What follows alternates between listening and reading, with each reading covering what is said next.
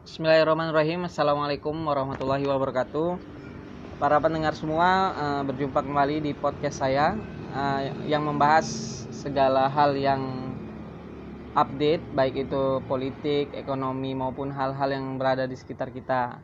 Nah pada kesempatan kali ini Kita bersama dengan Ketua Panitia Persiapan Pembentukan Partai Ideologi Partai Islam Ideologis Yaitu Bapak Dr. Mas Risi Tanggang. Assalamualaikum Ustadz. Waalaikumsalam warahmatullahi wabarakatuh. Ya, eh, apa kabarnya Ustadz? Alhamdulillah sehat. Ya, alhamdulillah. Pada kesempatan kali ini eh, kita hadir di sini, Ustadz, untuk ingin bertanya beberapa hal tentang perkembangan, khususnya mungkin pertama perkembangan persiapan Partai Islam ideologis atau yang di media sosial tuh sering disebut gerakan atau sebuah gerakan Ustadz Masyumi Reborn uh, Ustadz sebagai ketua panitia pembentukan partai Islam ideologis tersebut uh, gimana sampai sejauh ini perkembangannya Ustadz? Baik, terima kasih. Pertama ingin saya jelaskan dulu mengapa dibentuk panitia persiapan pendirian Partai Islam Ideologis atau P411. Ya. Ini melihat suasana perpolitikan dan partai-partai khususnya partai Islam yang sampai eh, pemilu 2019 kelihatannya dari pemilu pemi, eh, ke pemilu dari tahun 65 semakin mengecil perolehannya. Total perolehan Partai Umat Islam di pemilu 2019 lalu itu sekitar 29,7 persen. Ya, ya kata kita kita bulatkan saja 37 persen, 30 30 persen. Ya.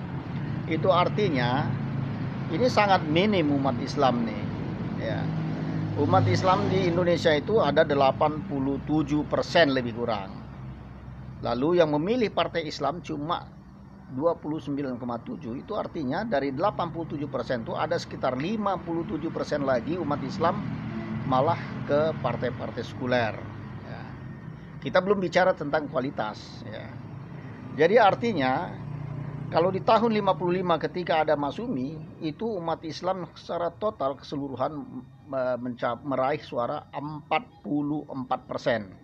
Jadi ada penurunan sekitar ya 14% lebih ya dari tahun ke tahun.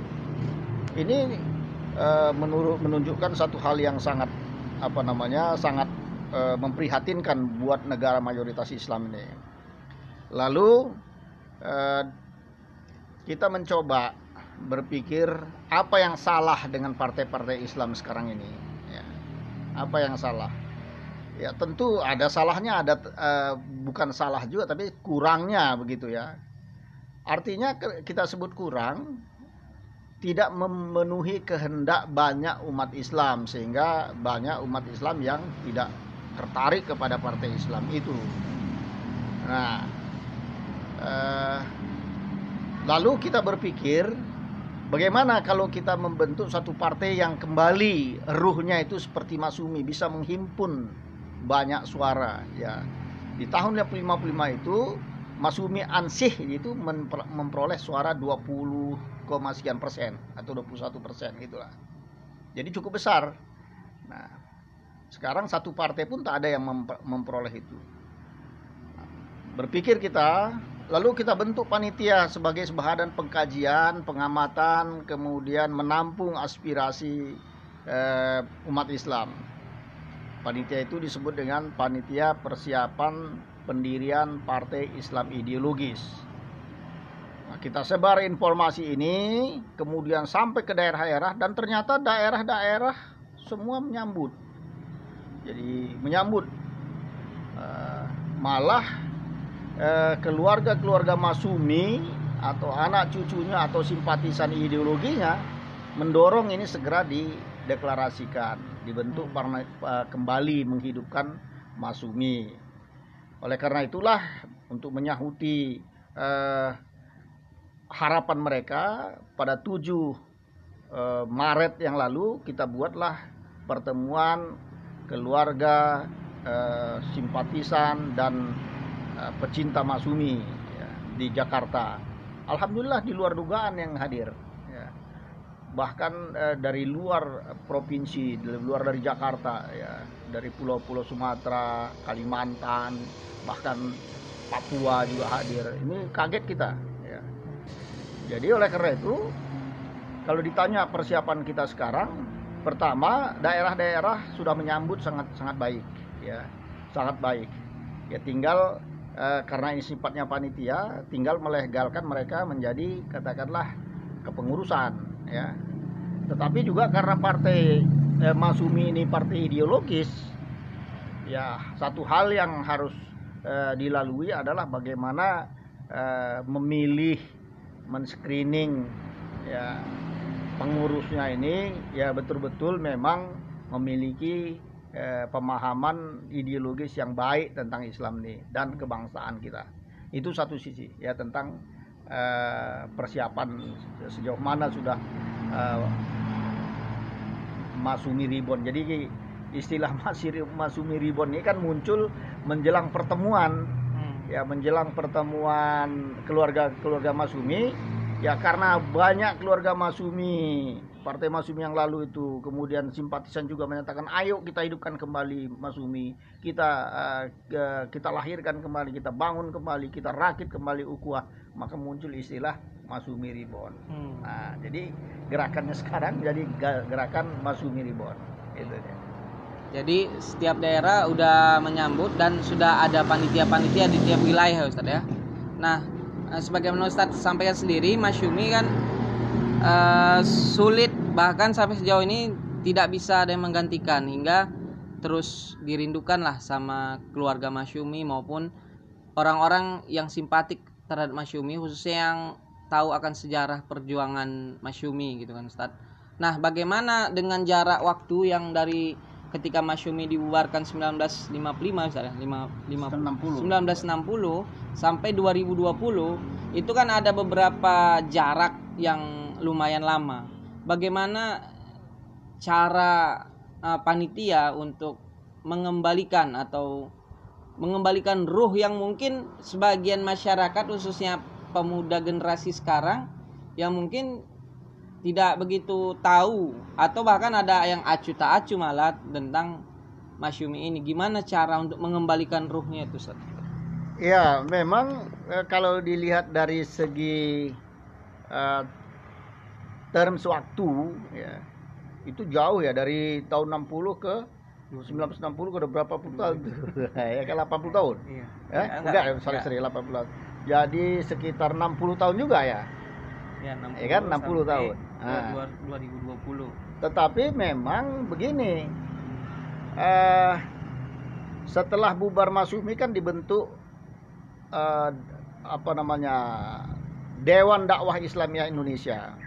Dewan Dakwah Indonesia ini dibentuk oleh tokoh-tokoh Masumi. Jadi masih ada ruh Masumi itu ke seluruh Indonesia jadi sampai kepada sekarang kalau kita lihat Dewan Dakwah itu masih ada di seluruh Indonesia. Dai-dainya pun cukup banyak. Jadi dari melalui itu cukup cukup bagus uh, untuk penjelasan. Kemudian banyak juga tokoh-tokoh intelektual yang kemudian kan membincangkan tentang Pak Natsir. Hmm. Peran Pak Natsir uh, di negara ini, bagaimana peran dia terutama yang menyangkut tentang mosi integral membentuk negara kesatuan Republik Indonesia ini. Itu luar biasa. Nggak ada yang bisa melupakan itu. Kemudian karena uh, performance Partai Masumi ini dikenal sedemikian baik ya dalam lingkup sejarah katakanlah uh, secara pribadi pribadi pribadi tokoh-tokoh uh, Masumi ini dikenal orang yang akhlaknya bagus, etika politiknya luar biasa, ya, luar biasa santun, tidak ada yang merasa tersakiti kecuali komunis barangkali, ya kan? Nah, tidak ada yang merasa tersakiti, tidak ada yang merasa dikecilkan, baik lawan maupun kawan tuh hormat sama orang Masumi karena cara berpartainya bagus, ya, etikanya luar biasa, akhlaknya bagus. Nah, kemudian juga banyak tokoh-tokoh Mausumi itu yang ulama. Seperti kita misalnya lah nama besar Buya Hamka ya kan? Hasan Basri ya kan? Kemajuan ulama kemudian Kiai Ansari uh, kemudian uh, banyaklah ulama-ulama hampir semua masuk di situ pada itu. Jadi ini kan mempunyai garis sejarah yang yang nggak bisa putus juga ke bawah. Nah, itu satu faktor yang uh, memungkinkan uh, masih masih ada cerita Masumi itu sampai sekarang. Nah, kemudian persoalan kedua uh, memang sekarang ini orang sepertinya kepingin mencari yang baru arti mencari baru itu bahasanya sudah jenuh orang dengan kondisi perpolitikan yang ada iya, sekarang. Iya, Ya kan? Sudah kok begini nih, kok begini begitu ya kan? Hmm. Apa alternatif? Kembali orang membuka-buka sejarah. Begitu mendengar Masumi, kemudian mereka mencari Masumi itu. Anak-anak muda itu sekarang gandrung mencari Masumi ya kan apa itu Masumi mungkin mau tahu akhirnya dengan Masumi Ribon ini apalagi itu banyak yang kita nelpon kita apa itu begini begini akhirnya mereka buka sendiri ya kan walaupun di dalam buku sejarah banyak eh, di di di di YouTube itu banyak yang dipleset-plesetkan tentang Masumi oleh pihak-pihak tertentu ya ya biasalah ya namanya kan sejarah itu kadang-kadang ditulis oleh orang yang berkuasa gitu ya kan yang membuat nah, jadi alhamdulillah sekarang eh, tidak sulit untuk memperkenalkan Masumi kepada yang muda-muda. Hmm. Tidak sulit. Nah, satu tadi saya baru dapat apa namanya dapat WA. Bagaimana kalau kami gabung? Dia masih anak SMA nih. Hmm. Pak, kami mau gabung dengan ini, Pak. Bagaimana Anda tahu tentang Masumi? Kami dengar begini-begini, kalau kami share, nah, begitu kira-kira kan? Search di Google dan apa segala macam. Oke, kalau begitu. Kami buat meme katanya. Hmm. Boleh silakan. Ini untuk kita semua. Eh kan? jadi itu baru baru anak-anak SMA anak-anak SMA jadi kalau menurut saya tidak sulit untuk membangkitkan lagi malah ya ada tradisi yang menarik sebenarnya itu uh, banyak anak-anak milenial sekarang ketika bicara tentang uh, kita kita sebar uh, uh, tentang Masumi Ribon ini baik di Facebook, di WA dan segala macam begitu. Mereka lalu menyambut nenek kami dulu Masumi, ah gitu ya. Kakek kami dulu Masumi, kabarnya begini begini. Ya bagaimana itu Ustaz? Ah gitu kira-kira. Ini menarik ini, menarik. Jadi nah yang paling uh, apalagi yang paling mengharukan lagi ada sekelompok orang malah mengatakan begini, kakek kami dulu pernah uh, sampai dibunuh oleh PKI karena dia Masumi. Wah, itu dia itu yang yang kita terharu bacanya. Saya harus ikut di Masumi. Begitu. Ya, jadi justru kalangan milenial sekarang atau anak muda sekarang justru ingin mencari karena jenuh rasa jenuh dengan politik sekarang justru ingin mencari mana yang lebih baik, mana yang lebih baik iya. justru baru-baru dan mereka mengenal sejarah dan uh, akhirnya mengenal Masyumi itu ya saat apalagi kalau kita lihat sekarang ya memang dari hasil pilkada maupun pilpres banyak golput. Nah, hmm. itu menandakan kan uh, milenial memang sekarang sudah jenuh lah ya Ustaz ya. Sudah dengan jenuh. dengan partai politik ataupun sistem-sistem yang dijalankan oleh partai-partai politik sekarang. Nah menarik Ustadz ketika Ustadz mengucapkan tentang mosi integral Ustadz ya. Mosi integral ini kan 3 April yang baru-baru saja baru kemarin mosi integral dan sepanjang saya tahu itu memang berperan sangat sentral itu Bapak uh, Muhammad Natsir yang merupakan tokoh Masyumi. Nah, untuk tentang momentum mosi integral tersebut uh, gimana menurut pandangan Ustaz? Ya, ini yang kita sangat menyayangkan ya. Apakah ini terlupakan dalam sejarah atau sengaja dilupakan? Ya kita sayang betul uh, sejarah ini hampir-hampir tak menyebut lagi musim integral ini dan saya khawatir anak muda pun tidak tahu ya bukti tidak tahu ada sekarang kelompok-kelompok yang ingin mendiskreditkan umat Islam atau gerakan-gerakan Islam uh, dengan ungkapan bahwa mereka ini orang gerakan Islam ini seolah-olah anti NKRI. Nah ini gawat nih, ya kan? Ah, ini orang di mana sekolahnya ini yang begini, yang gitu loh. Di mana sekolahnya orang ini kok berani mengatakan gerakan Islam itu anti NKRI? Kemudian politik eh, apa? Politik apa istilahnya sekarang itu? Uh, identitas, hmm. ya kan? Dari dulu udah identitas politiknya. Gerakan Islam itu tetap Islam tapi umat Islam lah yang berperan besar membangun negara ini. Nah yang ingin saya sampaikan begini. NKRI itu ada karena adanya usulan dari atau gagasan bahkan kerja besar dari Pak Natsir. Pak Natsir itu adalah ketua fraksi Masumi. Ya, Masumi di parlemen sementara. Jadi di tahun 50, tepatnya tanggal 3, Pak Nasir itu mengajukan menggagas di dalam parlemen supaya Indonesia ini menjadi NKRI. Nah, negara Kesatuan Republik Indonesia. Kenapa menjadi negara kesatuan Republik Indonesia? Karena waktu itu negara kita berbentuk serikat federal. Dan itu maunya Belanda. Jadi jangan lupa ketika kita memproklamirkan kemerdekaan di 17 Agustus 1945 itu negara ini belum terbentuk dalam bentuk kesatuan. Iya. Masih dalam bentuk kemudian proklamasi, kemudian dibuatlah perjanjian-perjanjian Linggarjati dan segala macam itu, ya kan?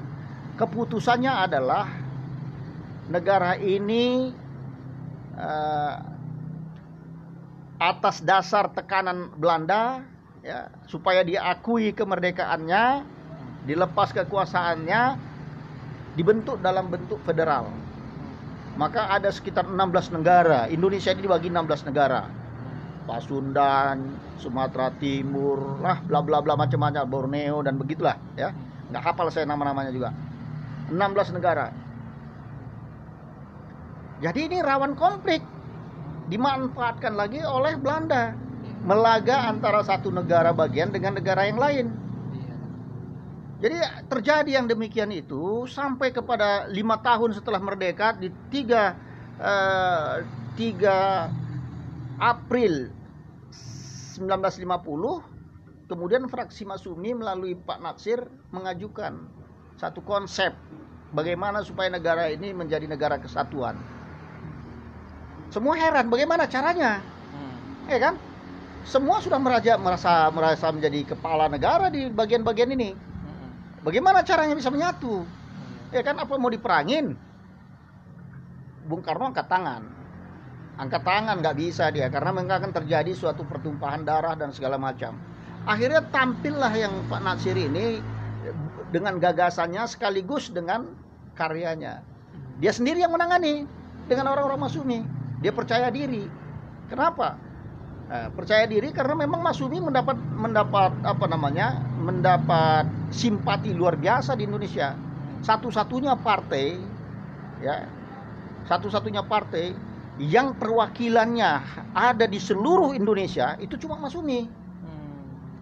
Nah, itulah yang merasa menguntungkan. Makanya eh, Pak Nasir keliling melobi semua tokoh-tokoh nasional tokoh-tokoh daerah, tokoh apa, dah datangi semua ulama-ulama besar. Kita perlu negara ini satu supaya tidak bisa dimasuki lagi oleh penjajah Belanda. Iya kan? Nah, didatangi satu-satu tokoh-tokoh, tokoh-tokoh ulama semua. Melalui jaringan-jaringan Masumi lah tentu ya. Iya. Nah, Alhamdulillah karena ketokohan Pak Nasir dan kepercayaan kepada partai, semua negara bagian itu setuju. Tanpa ada konflik apalagi pertumpahan darah rela membubarkan negaranya. Dengan catatan republik yang diproklamasikan ya dulu ada Republik Indonesia. Hmm, jadi di samping uh, Republik Indonesia itu merupakan bagian dari negara federal. Jadi bukan Republik Indonesia ini bukan meliputi semua. Cuma Jogja itu ibu kotanya dan apa tempat lah yang lain itu sudah masuk negara bagian negara bagian ya. Nah akhirnya Republik Indonesia pun membubarkan diri. Semua bubar baru dijadikan satu. Itulah namanya NKRI ya kan? Nah itu kan luar biasa sangat luar biasa. Jadi kalau ada orang menyatakan bahwa gerakan Islam ya kan uh, model-model apa yang dilakukan oleh uh, partai atau gerakan yang berpandangan Masumi ini dianggap anti NKRI hmm. itu orang sekolahnya di mana? Gitu loh. Nggak ngerti sejarah. Nggak ngerti sejarah dan itu bukan hanya nggak ngerti ini ke kejahatan menurut saya ini. Jahat nih. Hmm. jahat ingin menyudutkan apa Wong kita yang bangun kok masa kita yang apa dibiut anti ya kan berarti punya maksud-maksud tertentu itu yang menurut itu Nah, itulah dia. Jadi terbentuklah NKRI kemudian di 17 Agustus 1950 dideklarasikanlah kembali uh, negara NKRI. Jadi sebenarnya kalau mau jujur mau memahami sejarah Indonesia, negara kita ini sudah dua mengalami dua kali proklamasi.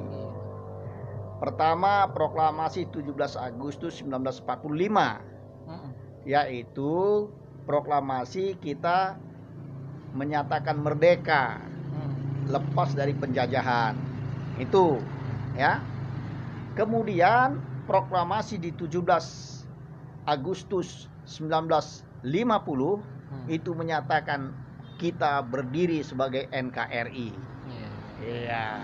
Yeah. itu. Jadi ini jangan lupa ini. Jadi NK ini di dalam sejarah mestinya ini menjadi diperingati. Harus diperingati nih. Karena nggak tahu orang seolah-olah begitu lahir di proklamasi kemerdekaan begitu NKRI tidak. Tidak. Kita masih kacau dalam keadaan itu. Masih perang masih masih masuk lagi agresi apa namanya Belanda tahun 47 48 ya kan iya. nah, masih ada agresi masih diupayakan untuk uh, untuk dipecah belah setelah itu bikin perdamaian-perdamaian, tapi perdamaian didikte oleh Belanda. Dan salah satu hasilnya yaitu tadi harus dipecah belah. Iya. Nah, gitu. Jadi memang NKRI sendiri merupakan hasil dalam tanda kutip hasil karya dari Natsir ataupun Masyumi ya Ustaz, ya. fraksi Masyumi ketika memberikan gagasan di sidang DPR sementara ya Ustaz ya. Hmm. Nah, jadi memang kalau kita lihat seolah-olah ada suatu cap-cap yang salah sebenarnya saat ketika Islam itu anti NKRI padahal NKRI sendiri yang merupakan karya umat Islam ya Ustaz ya. Ya kalau menurut saya bukan cuma salah, ada niat nggak baik di situ. Iya, iya. Niat nggak baik dia. Hmm. Nah, jadi artinya ini siapa ini orang nih gitu loh. Hmm. Perlu kita tanya juga siapa ini orang yang uh, kok begitu-gitunya ngomongnya iya. gitu. Bayangkan ya Soekarno sendiri nggak mampu mengatasi itu. Oleh karenanya sepenuhnya diserahkan kepada Natsir. Begitu terbentuk NKRI, orang-orang bertanya, lalu siapa yang memimpin Perdana Menteri ya? Bung Karno bilang, siapa lagi kalau bukan Natsir? Karena dia yang punya uh, gagasan, dia yang mampu melakukan ini. Makanya Perdana Menteri pertama itu Natsir. Hmm, iya. Natsir. Baik. Jadi luar biasa kalau kita kita lihat apa ini nah itu nah, kira-kira itulah mungkin semangat dari Masyumi reborn itu Ustaz ya ya nah, ingin betul. mengembalikan bagaimana peran jelas umat Islam dalam sejarah mungkin kalau yang kemarin ada piagam Jakarta Ustaz yang menghapus tujuh kata itu juga ya. Uh, hadiah umat Islam. Iya. Ini NKRI juga NKRI. sejarahnya merupakan karya dari Masyumi sendiri. Nah, itu yang mungkin jadi uh, semangat atau dasar perjuangan Masyumi Reborn itu ya Ustaz ya? Nah itulah dia. Jadi sebetulnya umat Islam nih ya luar biasa. Kalau saya katakan mohon maaf maaf maafnya dengan tidak meras, bermaksud mengecilkan yang lain, bahasa uh, saya adalah tulang punggung pendirian republik dan memerdekakan bangsa dan republik, mendirikan republik ini itu umat Islam. Hmm. Ya umat Islam. Maka eh, adalah sangat mengherankan itu yang saya katakan kalau ada orang-orang yang memusuhi Islam Ya, itu mereka tidak akan berhasil itu nanti, akan berhadapan dengan umat Islam. Percayalah. Mereka-mereka yang bermaksud ingin memba, uh, me, menyelewengkan uh, negara ini ke arah uh, ideologi selain apa yang sudah ditetapkan di dalam pembukaan Undang-Undang 45 pasti akan berhadapan dengan umat Islam. Nah, itu. Dan yang yang paling utama ya yang paling utama uh, dalam sejarah uh, perjalanan bangsa ini yang berkeinginan menyelewengkan itu adalah orang-orang komunis. Nah, oleh karena itu ya ketika komunis mendapat angin ya mendapat angin kekuasaan apa di situlah saatnya Mas Umi dibubarkan.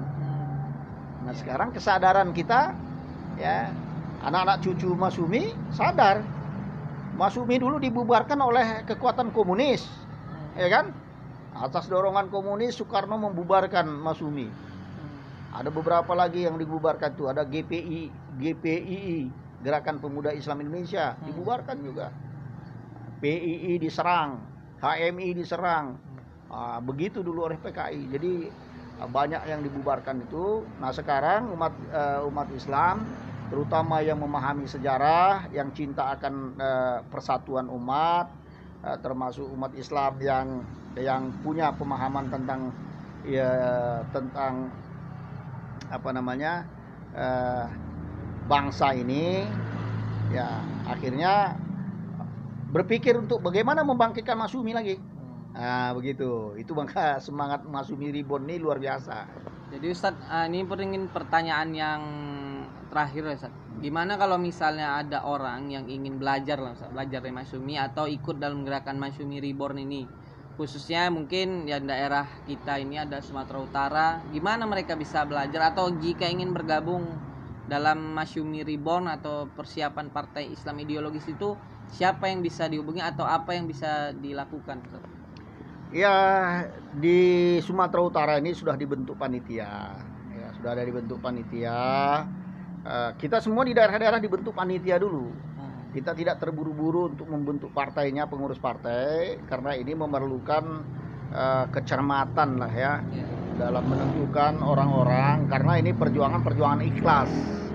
Tidak mengandalkan uang tidak mengandalkan popularitas tidak mengandalkan ketokohan. Ini milik bersama perjuangan bersama kita yakin dengan bersama-sama berjemaah akan bisa. Kira-kira begitu. Karena eh, perjuangan dengan mengandalkan uang eh, kalau menurut pandangan kita banyak kelirunya selama ini kan begitu orang membentuk partai berapa duitnya ini? Maka kita cari orang yang punya duit. Nah akhirnya partai itu berjalan sesuai dengan mau yang punya duit lah. Hmm. ya kan? Kita nggak mau begitu. Maunya ini perjuangan uh, Mas Umi ini bagaimana maunya ulama nih? Ya kan? Hmm. apa yang mau kita buat nih? Jadi kita serahkan semua pada ulama. Hmm. nah, begitu. Jadi bukan di uangnya semangatnya itu. Jadi kalau mau uh, apa namanya bergabung ada panitianya ada namanya Haruna Rashid Sabarudin Sagala ada Pak Agus Salim banyak itu nanti kontak ke kita juga boleh ya kan nanti akan kita hubungkan gitu ya.